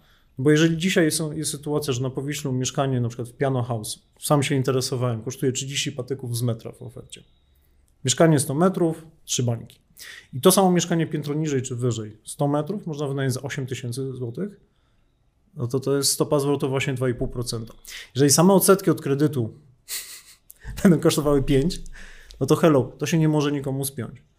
E, I już... Plus jeszcze zarządzanie tym, ludzie, jakby trzeba się spotkać, umowę podpisać. Pięć nie, same to, odsetki, tak? A Tak, jeszcze... ma sensu chyba. Więc nawet jeżeli ktoś ma cash, no to faktycznie wtedy, kiedy to miało dla części ludzi yy, rację bytu, faktycznie takie inwestowanie w nieruchomości, no to przy rosnących stopach procentowych, jeżeli ta osoba nie boi się panicznie rynków finansowych, a jednak jakaś część ludzi jest, która się sparzyła też obiektywnie na tych rynkach finansowych, yy, boi się obligacji nawet Skarbu Państwa, no bo państwo może upaść w ogóle, no to pomijając takie osoby, które tak ekstremalnie się boją właśnie tych rynków finansowych, no to nie ma dzisiaj finansowego powodu, żeby inwestować w mieszkanie na wynajem. Jakby stricte przynajmniej dla osoby laika. No jak ktoś się zna, kupi, nie wiem, 100-metrowe mieszkanie na 7 pokoi i w ogóle zrobi z tego, nie wiem, 8%, 10% inwestycję, no to jest inna bajka kompletnie. No ale dla przeciętnego Kowalskiego, który, umówmy się, większość ruchu na tym rynku nieruchomości, no to byli laicy, są laicy, znaczy osoby, które kupują jedno, dwa mieszkania, nie znają się na tym. Do nowego mieszkania, no na przykład znowu na tym powiesiu wstawiają meblościankę, jakieś meble po babci, bo widziałem takie rzeczy, no to, to trochę mówi jakby o jakości tego rynku. Więc jakby no, ci ludzie znikną momentalnie, jak się zacznie robić gorzej na tym rynku. Z drugiej strony ten rynek najmu, i tu już przejdziemy do tego, w pewnym momencie właśnie padło to pytanie, co będzie z rynkiem najmu? Nie wiem, jak wy uważacie. Jakby to są dwa scenariusze, tak, co najmniej takie zasadnicze, które widzę. Jeden scenariusz, ten, którym jesteśmy trochę dzisiaj i w którym najpewniej do niego zmierzamy, to znaczy scenariusz, w którym mm, z jednej strony kredyty nie są na tyle morderczo drogie jeszcze, żeby w ogóle cała ta układanka się posypała, a z drugiej strony już są na tyle drogie, że ten młody już jego nie będzie stać na ten zakup tego mieszkania. E, I to jest scenariusz, gdzie po prostu bardziej się opłaca wynajmować, w dużym uproszczeniu. Taniej pożyczyć mieszkanie od właściciela niż od banku. Mhm. No, bank chce 5-6%. A Dzisiaj sprawdzałem na stronie PKO SA na przykład. yy, Kredyt ze stałą stopą, gdyby tam przejść, no to 6,2%. A Więc jeżeli stopa zwrotu z najmu w jakieś tam mieszkanie jest 4% na przykład, to jest innymi słowy koszt pożyczenia tego mieszkania, w uproszczeniu, koszt pożyczenia tego mieszkania od, od właściciela. No to 4%, 6%. Drożej od banku, taniej od właściciela. No to od właściciela. W centrum Warszawy taniej jest wynająć Ale nie spłacasz mieszkania swojego. Komuś Ale mówię o samych odsetkach. Odsetki to idzie do komina. To jest koszt. To No jest tak, koszt. ale tutaj wiesz, jednak coś tam co miesiąc dokładasz, tak? I coś spłacasz. Ja mówię tylko to, co ja Tak, słyszę. tak, tak, nie? tak, tak, tak. Jakby argumenty za tym, żeby mieć własne mieszkanie są w Polsce, wydaje mi się, że bardzo mocne. E, takie mm, Społeczne. społeczne, tak, takie, takie wiesz, no, na, na podstawie przekonań. Zdecydowanie. Na przykład w badaniach chyba ING robią takie badania właśnie preferencji, przepraszam, ING i chyba Big Infomonitor. O, Big chyba robił właśnie te badania. E, U mnie na jednym podcaście było, możemy potem podlinkować też. Jaka jest, że tak powiem, affinity, czyli, czyli skłonność do, do korzystania z czegoś jako wynajęte czy posiadane. A więc tam, nie wiem, sprzęt medyczny czy sportowy, no to tak posiadać, to tak połowa może ankietowanych musiała te, te narty czy coś tam może wypożyczać, nie ma problemu. E, Samochód, no to tak 80% musi posiadać. Nieruchomość ponad 90%. E, Na zachodzie to to jest, nie wiem, 60-70%. Jest inna mentalność, to, to Mhm. prawda. My mamy bardziej ten takie podejście chyba amerykańskie, gdzie faktycznie posiadanie nieruchomości to jest ten symbol, że jestem taki super i w ogóle obrotny i mistrz, a ten, co wynajmuje, to jest noga. Co z tego, że Szwajcaria, Szwajcaria, kraj, w którym nieruchomości względem dochodów są tańsze niż w Warszawie na przykład, w Curychu jest taniej kupić Szwajcarowi curychskiemu nieruchomość niż warszawiakowi w Warszawie, około 50% ludzi wynajmuje mieszkania i są z tym, bardzo im z tym dobrze. To jest też dojrzałość rynku oczywiście i to jakość na przykład tego, co można wynająć. E, No ale jakby nikt nie ma z tym problemu. My to mamy faktycznie mentalnie wbudowane. Z drugiej strony, Tylko tam też jest bardzo dużo ekspatów, którzy, których kompletnie nie stać na, ten, na zakup nieruchomości. no ale ekspat jak przyjeżdża, to z reguły pracować w korpo. Tak, ale nawet jak patrzysz na Excela, to autentycznie bardzo często opłaca się wynajmować. Ja przez lata wynajmowałem e, tylko dlatego, że Excel mówił mi, że się opłaca wynajmować. No i żeś kupił i co? No w końcu kupiłem. I to no na górce. Co, co miałem robić z kasą? Słyszysz, za chwilę będzie ten.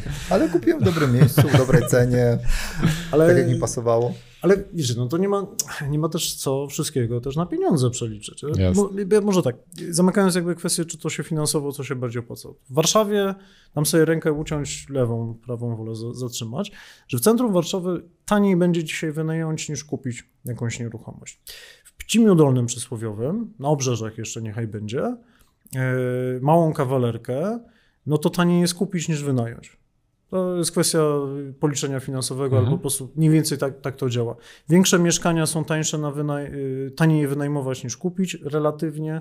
Kawalerki są droższe w wynajmie niż, niż w zakupie. Centra miast są tańsze w wynajmie niż w zakupie i tak dalej. Tych, tych reguł jest kilka, ale one po prostu, jakbyście popatrzyli, jak się rentowności mieszkań rozkładają, to jest bardzo podobne, bardzo podobnie działa, bo te same mechanizmy działają.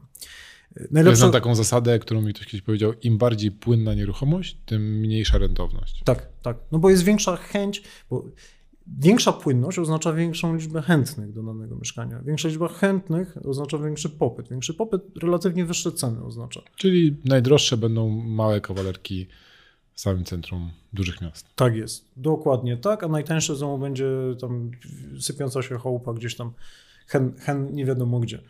Więc jakby, ale to jest strona finansowa. Natomiast ważniejsza moim zdaniem jest to strona taka ludzko-mentalna. To znaczy, Mhm. y, okej, chcesz po prostu posiadać nieruchomość, nie dlatego, że mi tam matka do głowy wciskała przez 20 lat, hej synku, kup, kup dom, czy tam mieszkanie, to to będziesz, wiesz, wtedy, wtedy będzie dobrze, tylko po prostu będziesz się z tym czuł lepiej, albo ty lubisz, nie wiem, yy, mieć urządzone po swojemu, mieć tam 10 psów i masz w nosie po prostu właściciela, okej, to pewnie jest dla ciebie dobra droga. Jeżeli z drugiej strony nawet yy, wiesz, że nie wiem, zakup będzie dla ciebie tańszy, ale z drugiej strony wiesz, że za rok albo za dwa będziesz się gdzieś przeprowadzać, albo nie wiem, pojawić się nie wiem, partner, partnerka, dwójka dzieci, trzy psy i tak dalej. Będzie się zmieniać ta potrzeba, albo nie wiesz, czy w tym kraju w ogóle będziesz chciał mieszkać, bo nie wiem, wyprowadzisz się gdzieś indziej, gdzie są nie wiem, niższe podatki, przystępniejsze, lepsza służba zdrowia, przystępniejsze warunki życia, yy, światopoglądy może trochę inne, to po co ci kupować tą nieruchomość? Mhm. Więc wydaje mi się, że to jest ważniejsze. Tu mówisz o, o takich zakupach pod Konsument. własne, konsumenckie, Tak. pod, własne, pod własne potrzeby. Tak jest. Pomówmy przez chwilę jeszcze o tych inwestycyjnych zakupach, bo z tego, co powiedziałeś, nakreśliłeś tą sytuację, bardzo się z tobą zgadzam zresztą. zresztą ja myślałem, że ten, y, ten moment cyklu nadejdzie trochę wcześniej, w momencie, kiedy się zaczęła pandemia. Tutaj rozmawialiśmy o tym dwa lata temu, jak się zaczynała, co to Mhm. się wydarzy. Wydarzyło się kompletnie odwrotnie, przez, głównie przez y, luzowanie Tak. polityki monetarnej. E, Natomiast jakby no, wydarza się moim zdaniem powoli ten em, scenariusz, tylko w wielkim spowolnieniu. Tak? To nie będzie załamanie z dnia na dzień. Pewnie to się będzie rozciągało przez kilka, kilka albo, albo nawet dłużej lat. E, Natomiast postawmy się przez chwilę. Wyobraźmy sobie, że ja mam teraz na koncie 500 tysięcy. Tak? E, Biorąc pod uwagę, co powiedziałeś, co byś radził w momencie, kiedy chciałbym zainwestować w nieruchomość? Czy to jest dobry moment, czy, czy może nie? Okej. To może tylko adwocem jeszcze do, dodam do tego, co Mhm. bardzo fajnie jakby sparafrazowałeś jakby ostatnie dwa lata. Znaczy to, że nie spadły ceny w 2020 roku, albo może one punktowo tylko gdzieś tam pospadały w jakichś takich nagłych historiach, typu ktoś miał dużo kredytów na mieszkaniach na pokoje na przykład, Mm. albo na najmniej krótkoterminowym, no to tam faktycznie było grubo, ale tak zasadniczo rynek nie siadł. I faktycznie to, co spowodowało jakby ten brak usi- usiadnięcia tego rynku, to były te obniżone stopy procentowe. Ja dodam jedną rzecz. Ludzie, krótka pamięć, ludzie nie pamię- tego nie pamiętają. W styczniu 2020 roku, kiedy pandemia, to, to tam był po prostu, a jakiś tam SARS tam w Chinach w ogóle, gdzieś tam hen daleko, em, mieliśmy inflację pod 5%. I od pół roku mieliśmy głosy już dwóch członków Rady Polityki Pieniężnej, że już czas zacząć podnosić stopy procentowe, bo już tamte były uważane za dość niskie. Mhm. I tak naprawdę i, i też było bardzo dużo głosów, że, że ta dynamika cen w ogóle na rynku nieruchomości w 2019 roku to już była taka dość crazy. Tak naprawdę ta pandemia i ta obniżka spowodowała, że to, co powinno się wydarzyć w 2020 roku, zostało po prostu przeniesione w czasie o dwa lata do przodu. Tylko wtedy miało to jeszcze taki nieszczęśliwy jakby zbieg okoliczności, bo tylko ugruntowało to przekonanie, że te nieruchomości są takie zajebiste. Kurde, nawet pandemia przychodzi, one nie, nie spadają w cenie. A to po prostu jest efekt tych, tych stóp procentowych. E, a ludzie bardzo łatwo łapią takie pozorne korelacje. Że coś się dzieje tutaj, coś się dzieje. Tak powstają mity i inne takie historie. Teraz tak, mam pół miliona. Y, oczywiście no, to zależy. Czy kiedy będę te pół miliona z powrotem potrzebował i w ogóle. Mam ale, wolne, nie potrzebuję. ale powiedzmy tak, ja, ja ostatnio sprzedałem mieszkanie w listopadzie. To, to, to nieszczęśliwie kup... znaczy nieszczęśliwie, to fajnie się tam mieszkało, ale już, już teraz mi nie pasowało kompletnie do portfela. Z konsumenckiego zmieniło się na wynajem i ta rentowność była właśnie taka, jak przed chwilą mówiłem, trzeba było sprzedać. No i pojawiła się kwota gdzieś tam w, powiedzmy w, w tych rewirach, o, o, o których mówisz. Więc ja nawet, Czyli od ciebie można teraz pożyczać. e, ja, już, ja już wypożyczyłem te pieniądze. już.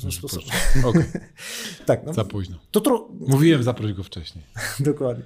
Natomiast mm, ja bym podzielił jakby sposób zainwestowania trochę mm, na cele. To znaczy tak, na przykład dla osoby, która wie, że na przykład Polska to jest takie centrum życia pewnie na najbliższe tam lata, nie ma planu wyjazdu. To jest pierwszy kaweat. Mam takie zastrzeżenie. Drugim zastrzeżeniem jest to, że tej kasy nie będzie potrzebował tam za rok, za dwa, ze względu na jakieś tam potrzeby życiowe. Trzecia rzecz, jeżeli ceni sobie cash flow, bo są też różne cele inwestowania. Większość ludzi tam walczy z jakąś tam inflacją, albo tam majątek buduje, no ale jest to grono takich ludzi, gdzie właśnie i i Sławek i wiele innych osób jakby też wykształciło cash flow. Jakby ten komfort tego, że co miesiąc coś mi wpada do, do kieszeni, bo dzięki temu mniej się stresuję w pracy, a może mogę rzucić tą pracę i zacząć robić jakieś tam startupy, ratować delfinki czy inne rzeczy. Zakup mieszkań na wynajem jest bardzo dobrym nadal pomysłem, tylko z głową, jak zawsze. Myślę, że może inaczej. Ja jak mam poustawiane różne tam przypominajki, że mi przychodzą jakby oferty, to mi przychodzą albo kamienice, albo mieszkanie na wynajem na tych rynkach, gdzie ich szukam.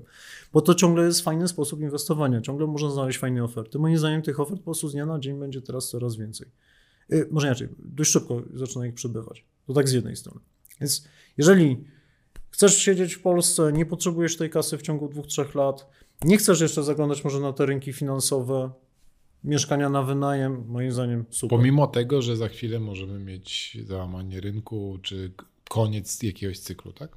Doesn't matter, bo wiesz, jeżeli, znowu, kiedy potrzebujesz pieniędzy? Najchętniej nigdy, Mhm. znaczy wkładasz i wyciągasz cash flow, no to nie interesuje cię, po ile jest mieszkanie właściwie w tej chwili. No, zakładając tylko, że nie liczysz tego, ile, e, ile masz stopy zwrotu, tak? No bo No.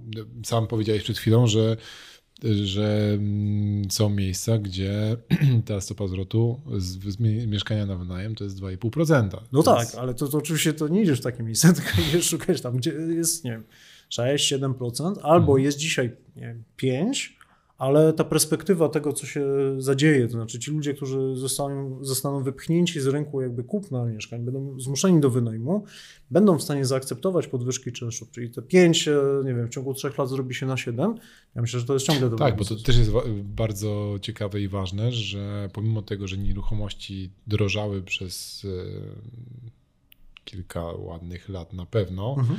E, to te ceny najmu, szczególnie w tych ostatnich dwóch latach, to praktycznie się zatrzymały. Tak?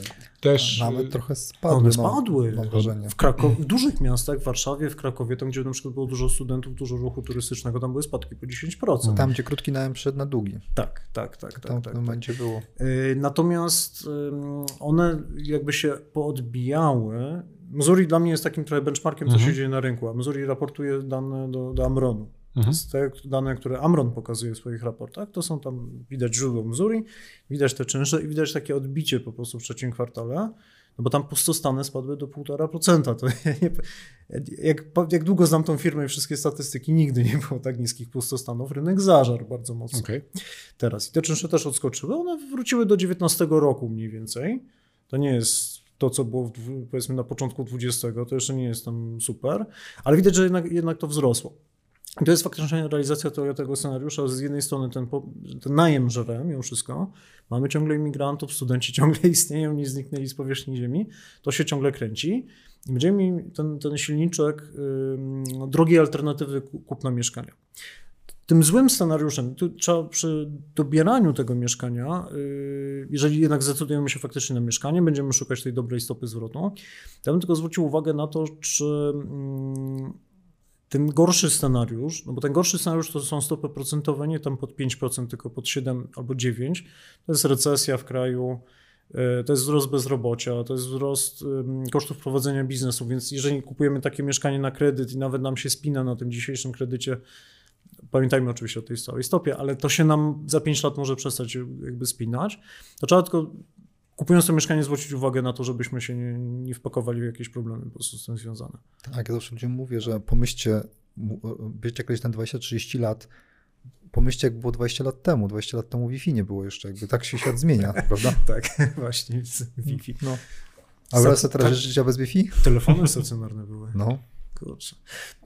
Natomiast to jest, to jest całość dla, dla, dla tego typu osób. Natomiast na przykład, jeżeli nie masz problemu z rynkami finansowymi i być może trochę wcześniej potrzebujesz tych pieniędzy, znaczy to nie jest kasa, którą wrzucasz i ona znika, tylko nie wiem, za 3-5 lat będziesz musiał wyciągnąć, żeby, nie wiem, mieć na wkład własny do swojego domu, bo wiesz, że będziesz chciał wtedy dom budować. No to wtedy nie brałbym się za mieszkanie na wynajem, wtedy raczej bym popatrzył na, tu znowu z dużą ostrożnością, trzeba się mocno wczytać, które produkty, ale bym pomyślał po prostu o obligacjach, albo skarbowych, albo korporacyjnych, ale znowu low, low yield, low risk. Albo bardzo modnych obecnie EFTach, tak? ETF. ETF. ETF. To jest bardzo pojem, to jest, to jest słowo kontener. W ETF-ach jest wszystko, więc ja bym, ja bym trochę uciekał od używania słowa ETF. ETF to jest opakowanie pod tytułem ETF może oznaczać kupuje indeks, ale równie dobrze może oznaczać, że kupuje odwrotność indeksu, czyli Nie, mówię o indeksowaniu całej giełdy, jak na przykład amerykańskiej. E, jeżeli miałbym perspektywę, chcę wyciągnąć za, za 2-3 lata, nie. Broń Boże, bo Yy, giełda niestety ma tą tendencję do, znaczy może inaczej, to jest trochę jak z tymi nieruchomościami. Tak samo jak nie wiemy, czy nieruchomości za dwa lata będą minus 20 czy plus 20, tak samo z giełdą jest. Po prostu, w tak krótkim terminie. W terminie 15 lat w przód, to jednak doza tego, że one będą droższe niż tańsze, jest bardzo prawdopodobna. Natomiast w tej perspektywie do dwóch lat jest, jest bardzo dużo różnych scenariuszy możliwych. Jak dzisiaj nawet czytałem yy, aktualizację prognozy z grudnia Goldman Sachsa, głównego analityka, który prognozował w grudniu, że yy, amerykańska giełda skoczy do, do S&P 500 konkretny indeks, który wtedy wynosił 4800, że on do końca następnego roku, czyli 2022, poleci do 5100. On teraz zrobił aktualizację i powiedział, że zależnie od tego, co będzie, może być od 5500 do 3500. Bo tu mamy na przykład y, mocne zaciśnięcie polityki monetarnej wojny na Ukrainie, a tu mamy, że w ogóle Ukraina tam już nie ma problemu i tam polityka monetarna się nie zaciska. I jak będzie? No nikt nie wie. Więc teraz, jeżeli tą kasę musisz za dwa lata wyciągnąć na ten wkład własny, no to nie giełda. To lepiej zaakceptować to, że okej, okay, no będę miał te nudne parę procent, 3, 4, 5, zależnie co tam, co tam się wrzuci, ale nie stracę na nominale, bo tu musisz chronić nominał, nie, nie tracić długiej perspektywie czasowej, no to już jest inna bajka kompletnie. Jeżeli zakładasz, nie wiem, może wyjazd z tego kraju. Ja na przykład we wrześniu planuję na pół roku sobie wyjechać. A gdzie? E, ciepłe kraje. Portugalia, Hiszpania. Ale wyjechać na, na, na, pół roku, zrobić sobie takie, nie wiem, workation, dłuższy pobyt po prostu za granicą, ale z perspektywą, że potem wracam też do Polski, no to okej, okay, no to myślę, aha, no będę potrzebował ileś tam euro no to może nie polski produkt, a produkt już, już denominowany w euro z jakiegoś tam powodu. E, jeżeli planuje wynieść się z Polski, bo coś, są tacy ludzie po prostu, no to, to w ogóle trzeba się zastanowić. No, nieruchomości to już słabo się kalkuluje, znaczy może nie tyle, że słabo się kalkuluje, ale zależy od motywacji tej wyprowadzki. Natomiast jeżeli chcemy na przykład przesunąć nasze centrum życia do kraju innego, to już abstrahując od tego, że to jest daleko, trudniej się tym zarządza. Ty, y, Paweł, chyba coś w Anglii posiadasz, z tego co tak, kojarzę. Tak, tak, tak. No to jak jest dobrze, to jest dobrze, ale jak jest źle, no to robi się problem. Y, no i druga kwestia, no to, to jest ryzyko kursowe. Zgadza się. No więc bardziej bym nawet już abstrahuję od tego, że nie wiem, jakieś historie wojenne czy coś tam, po prostu ryzyko kursowe. po prostu. Tak i ta logistyka moim zdaniem jest ogromnie no. ważna też, bo często ludzie na to nie patrzą. Oczywiście jeżeli zatrudnisz poszczególne osoby czy agencje do poszczególnych um, części procesu, mhm to, to może to być łatwiejsze, natomiast pytanie o koszty wtedy, nie? bo nagle się okazuje, że do wszystkiego musisz kogoś pozatrudniać i ile ci zostaje z tego wszystkiego, nie? Jak jest, jaka jest stopa zwrotu. Dokładnie, więc jakby war, warto o tym pomyśleć. To nie znaczy, że to nie działa, no bo stopy zwrotu w Polsce i tak są lepsze niż są na przykład nie wiem, w Niemczech. Więc jakby można grać na, na tak zwany spread, to znaczy zarabiać więcej procentowo w Polsce, mhm. mimo że polska waluta się może osłabiać, jakby jeżeli to się finansowo będzie spinało, no to fajnie. E, no ale to trzeba sobie skalkulować. Bo żeby znowu to przełożyć na rynki finansowe, i to jest taka analogia, która ostatnio przyszła do głowy, ludzie nie mają problemu, żeby kupić nieruchomość na wynajem y, na kredyt i to jeszcze na 80%. Kompletnie, nie? To, to, to nie jest problem dla Kowalskiego. Tak. No 80 to jest super w ogóle. No, 80% LTV, nie? Zupełnie zero problemu. Jeszcze, jeszcze zrobić sobie ekspozycję na półbańki albo bańkę, nie? Mhm. Sam wiesz, sam miałeś te półbańki, nie? E, teraz jakby zadać temu samemu człowiekowi pytanie, hej, a, a kupiłbyś z lewarem na rynkach finansowych y, produkt o zmiennej, zmiennej wycenie i zmiennym dochodzie z pięciokrotnym lewarem na półbańki? Po pierwsze w ogóle by nie zrozumiał pytania, ale jeżeli ktoś ja by zrozumiał rozumiem. pytanie, to by stwierdził, że kurczę gościu ma takie kochones, nie? A ludzie to robią po prostu na co dzień. Mhm. Kupując hmm. nieruchomości yy, na przykład na wynajem, na kredyt. Oni po prostu spekulują na poziomie stopy procentowej, spekulują na wycenie i dochodowości produktu. Jakby dla kogoś, kto siedzi w finansach, no to, to, to jest bardzo niezabezpieczony, że tak powiem, produkt finansowy. Bomba, granat normalnie. Mhm. To jest jak kupowanie bitcoinów za pożyczony hajs. No, o... Przesadzam oczywiście trochę, no tak. ale, ale chodzi mi o skalę, skalę problemu, nie? Yy, których ludzie sobie jakby nie uświadamiają. Więc... Darek to o nas, wiesz? On nam ubliża, tylko mówi to ładnymi słowami. E, nie, bardziej chodzi mi o to, żeby mimo wszystko skłonić ludzi do refleksji, jak to robią. Ja też miałem dłuższa historia, bo z tych moich dziewięciu mieszkań, które miałem na wynajem, tam kawalereczki różne sobie na Śląsku, no to tam, okej, okay, sprawy prywatne spowodowały, że już trochę mniej mam tych kawalerek, ale w momencie, kiedy jakby mieliśmy ten portfel z małżonką, no to tam był kredyt. Tylko nie na 90% wartości portfela, tylko na 30%. Mhm.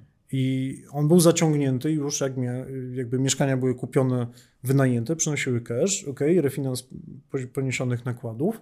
Wtedy odzyskuje cash, za który kupuje kolejne mieszkania, posługując się cashem, lepsza negocjacja, wynajmuje i może dopiero wtedy się zastanowić nad kolejnym kredytem.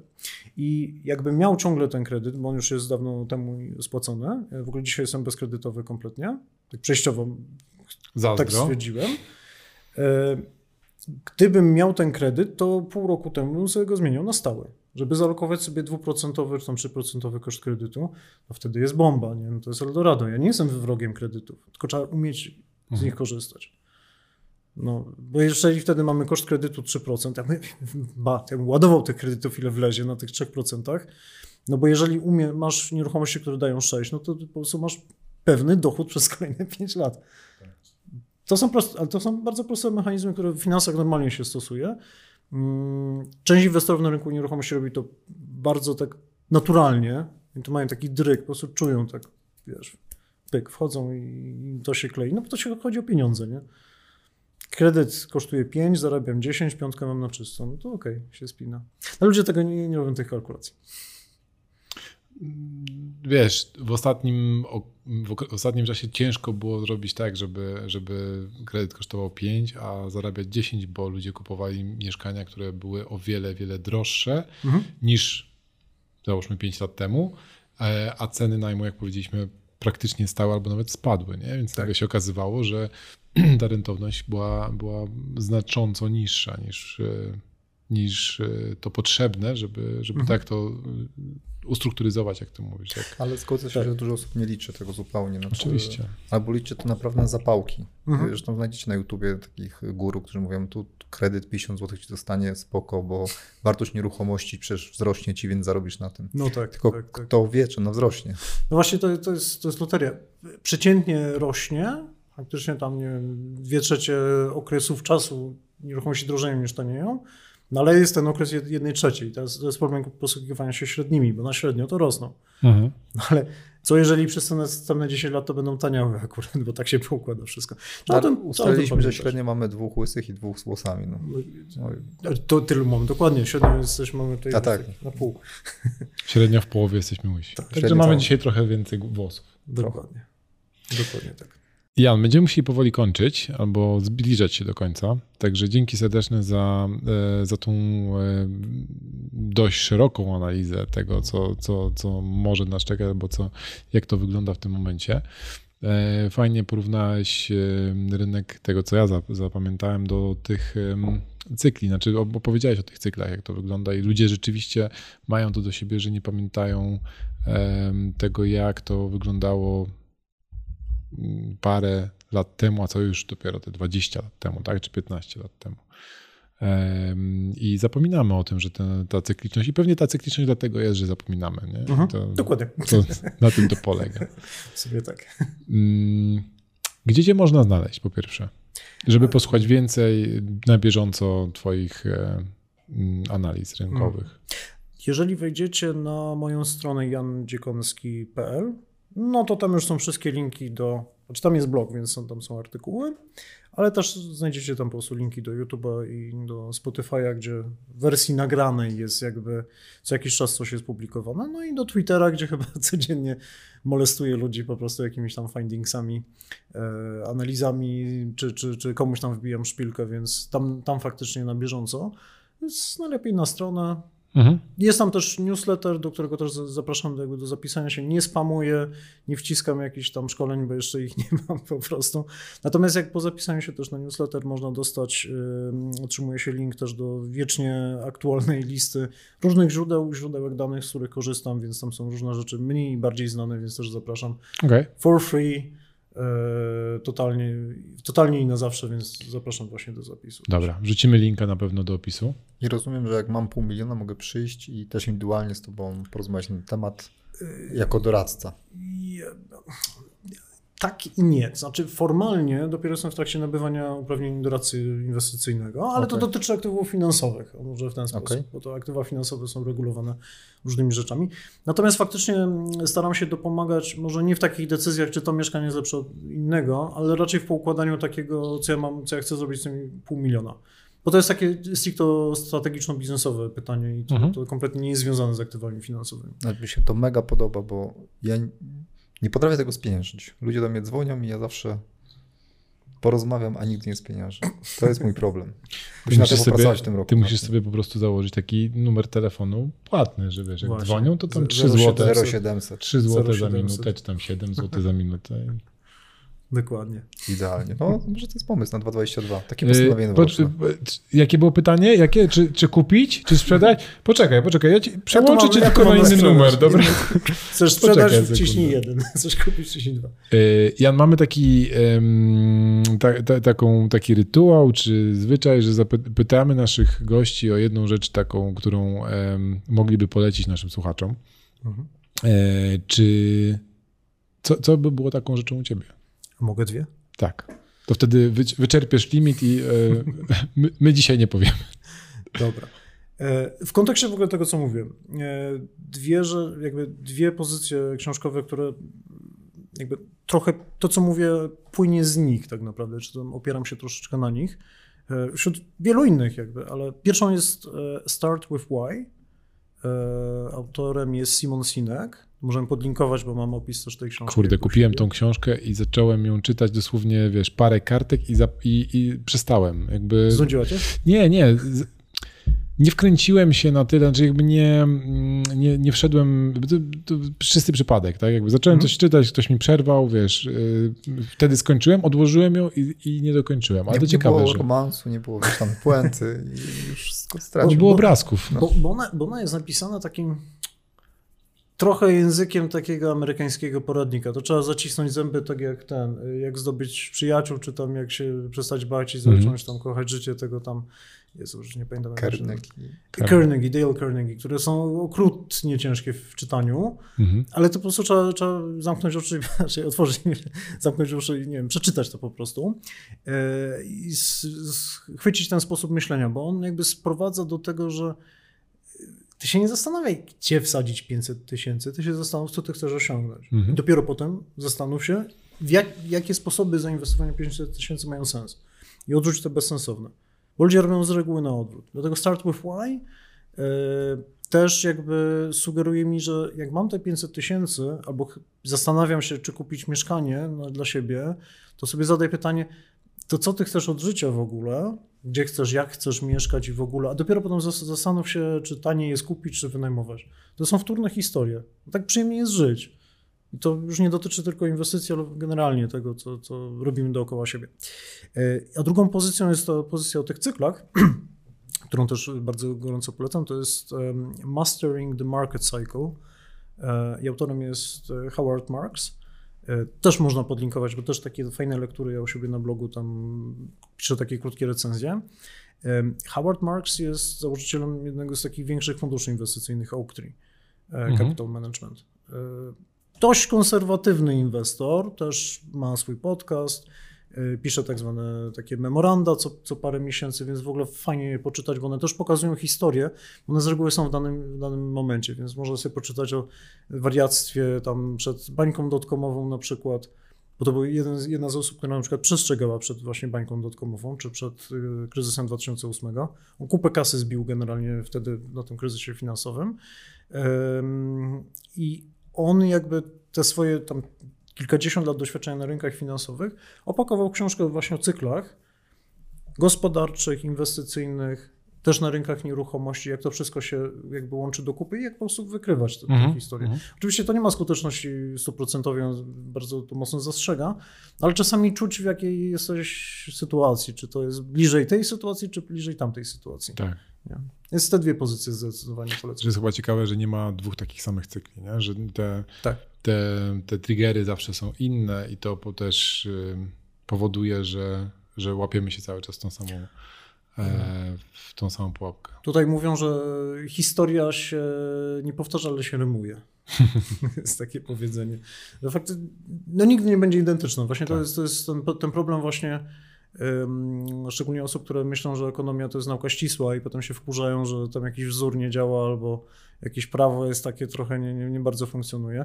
A no to dlatego, że jakby no nie mam możliwości powtarzania w ogóle eksperymentu, no bo tutaj czas po prostu leci i, i, i tyle, przynajmniej tych takich y, dotyczących gospodarki możemy powtarzać jakieś eksperymenty na, na poziomie pojedynczych ludzi, czy oni kupią chętniej, jak tam końcówka ceny będzie 99, czy tam pełna cyfra, pełna liczba, to takie, że historie można robić, ale tych dużych takich prawideł jakby ekonomicznych nie, to, to jest psychologia, socjologia, psychologia tego typu historii, więc raczej tego rymowania trzeba się doszukiwać. No. I podobnych, podobnych historii. Tak podobnych, jest. ale nie takich samych. Tak jest. Tak A mi się przypomniał w ogóle film, mm, który pewnie oglądaliście, ale myślę, że będzie fajną puentą do dzisiejszego podcastu.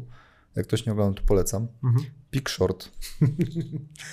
Tak, tak, tak. Ja go ostatnio też polecałem chyba faktycznie. Doskonały jest. Oglądałem go nawet niedawno. Tak, Ponownie. tak. E, widziałeś na pewno też. Jest, tak, tak. No. No, też oglądałem niedawno, ale niedawno, czyli jakieś półtora roku temu. Generalnie obejrzycie, jest to, jest to w sumie komediodramat chyba o, mhm. o tym, jak e, rodził się kryzys e, e, Jezu, jak się nazywały te, te papiery dłużne? E, Derywatywy. Derywatywy CDO tak naprawdę collateralized debt obligation. Nie Oni to nazwali sub, sub, sub, subprime. Subprime. Subprime. Tak. I najlepsze to są te wstawki, jak e, chyba pierwsza taka wstawka w tym filmie, jak ta aktorka z Australii, już nie pamiętam jej, jej, e, jej nazwiska, właśnie jak nie wiecie, co jest subprime, to teraz wytłumaczy wam tam jakaś i ona leży tam, je coś i tłumaczy, tak, tak, i tłumaczy, co to jest subprime. W bąbelkach. tak, no ale to jest, to jest film, ja go faktycznie oglądałem ostatnio, bo mm, w tej chwili więcej chyba portfela takiego inwestycyjnego mam na giełdach i, i, i też patrzę, co tam się dzieje i tam też są jeszcze bardziej oczywiście odjechane historie. I tak w ramach takiej równowagi sobie od, odpaliłem faktycznie The Big Short. Ja w ogóle słuchałem e, książki Big Short, bo zanim powstał film, to była książka e, i ja ją jakoś trafiłem na jakimś tam audiobooku i mega długa pamiętam, ale wciągająca na maksa. Pamiętam, że miałem to jedna z tych książek, gdzie szukałem sobie powodu, żeby wyjść się przespacerować, żeby móc posłuchać podcastu, znaczy Okej. podcastu, e, audiobooka. Ciekawe. Także oczywiście o wiele bardziej w szczegółach opisana historia, więcej wątków. e, Nie ma tego takiego komicznego zabarwienia. Tam są bardziej suche fakty, aczkolwiek też e, fakty, które rozwalają, tak? No bo jak sobie zdajesz sprawę, jak niektóre rzeczy były em, opisywane najpierw, że są czarne, a później się okazywały białe. Trochę tak jak, y, bo mówiłeś o, o, o, tych zapewnieniach e, prezesa odnośnie stóp procentowych, tak? Że na To pewno zawsze nie. zmienić, tak. Ale warto też jakby, żeby też nie przedłużać, bo to możemy kolejny odcinek nagrać, ale warto sobie się zastanowić, aha, obejrzeć ten film, jak to wszystko było po- poskładane, no bo tam na, na tych nieruchomościach to zarabiali nie tylko ci, co sprzedawali, i ci agenci, i ci agenci od kredytów, i te banki, i te firmy, co obracały jeszcze, to, to, to wszyscy na tym zarabiali, nie? Te agencje E, ratingowe. Tak, ale to wszystko to były też takie kostki domina. To proszę się zastanowić, jak na przykład są finansowane mniejsze inwestycje deweloperskie w Polsce, gdzie mamy dewelopera pożyczającego pieniądze, następnie biorącego flipera na pierwotnym, który mu zapewnia przedsprzedaż, następnie idący do banku po kredyt, żeby sprzedać kolejnym fliperom na, na, na przykład na pierwotnym. Dopiero się pojawiają konsumenci, którzy teraz w ogóle zniknęli i próbujący tak spiąć inwestycje. Oj. Teraz Czuję drugi odcinek. Jest kolejne spotkanie. To jest bardzo mi, mikro, mikrowiedza, znaczy jak ktoś siedzi w rynku nieruchomości, no to wie, że, że tak często to jest konstruowane. E, tak końca nie ma w tym nic złego, no Boże, no biznes robią, nie? Ale teraz pomyślmy, co się stanie, jak zaczniemy wyciągać któreś tam elementy tej układanki. Co, co to się zacznie dziać? Będzie Polish Short. Dokładnie. I na tym skończymy dzisiejszy Dokładnie. Odcinek Jedno podcastu. tylko zdanie musimy pamiętać, że niestety y, na końcu ludzie cierpią jakby. To jest tak, Tak. że gar, garstka osób na tym zarabia, natomiast w takim złym aspekcie, no to jest no, tragedie ludzkie są. Niestety. Tak Dlatego życzymy Wam, żebyście nie cierpieli, a zarabiali. Dokładnie. Naszym dzisiejszym gościem był Jan Dziekoński. Dziękujemy Ci bardzo serdecznie za em, uczestnictwo w naszym podcaście, a Was, drodzy słuchacze, zapraszamy na naszą stronę corpolandlord.pl, gdzie znajdziecie to i inne nagrania oraz opisy każdego odcinka. Do usłyszenia wkrótce. Dziękuję. Dzięki.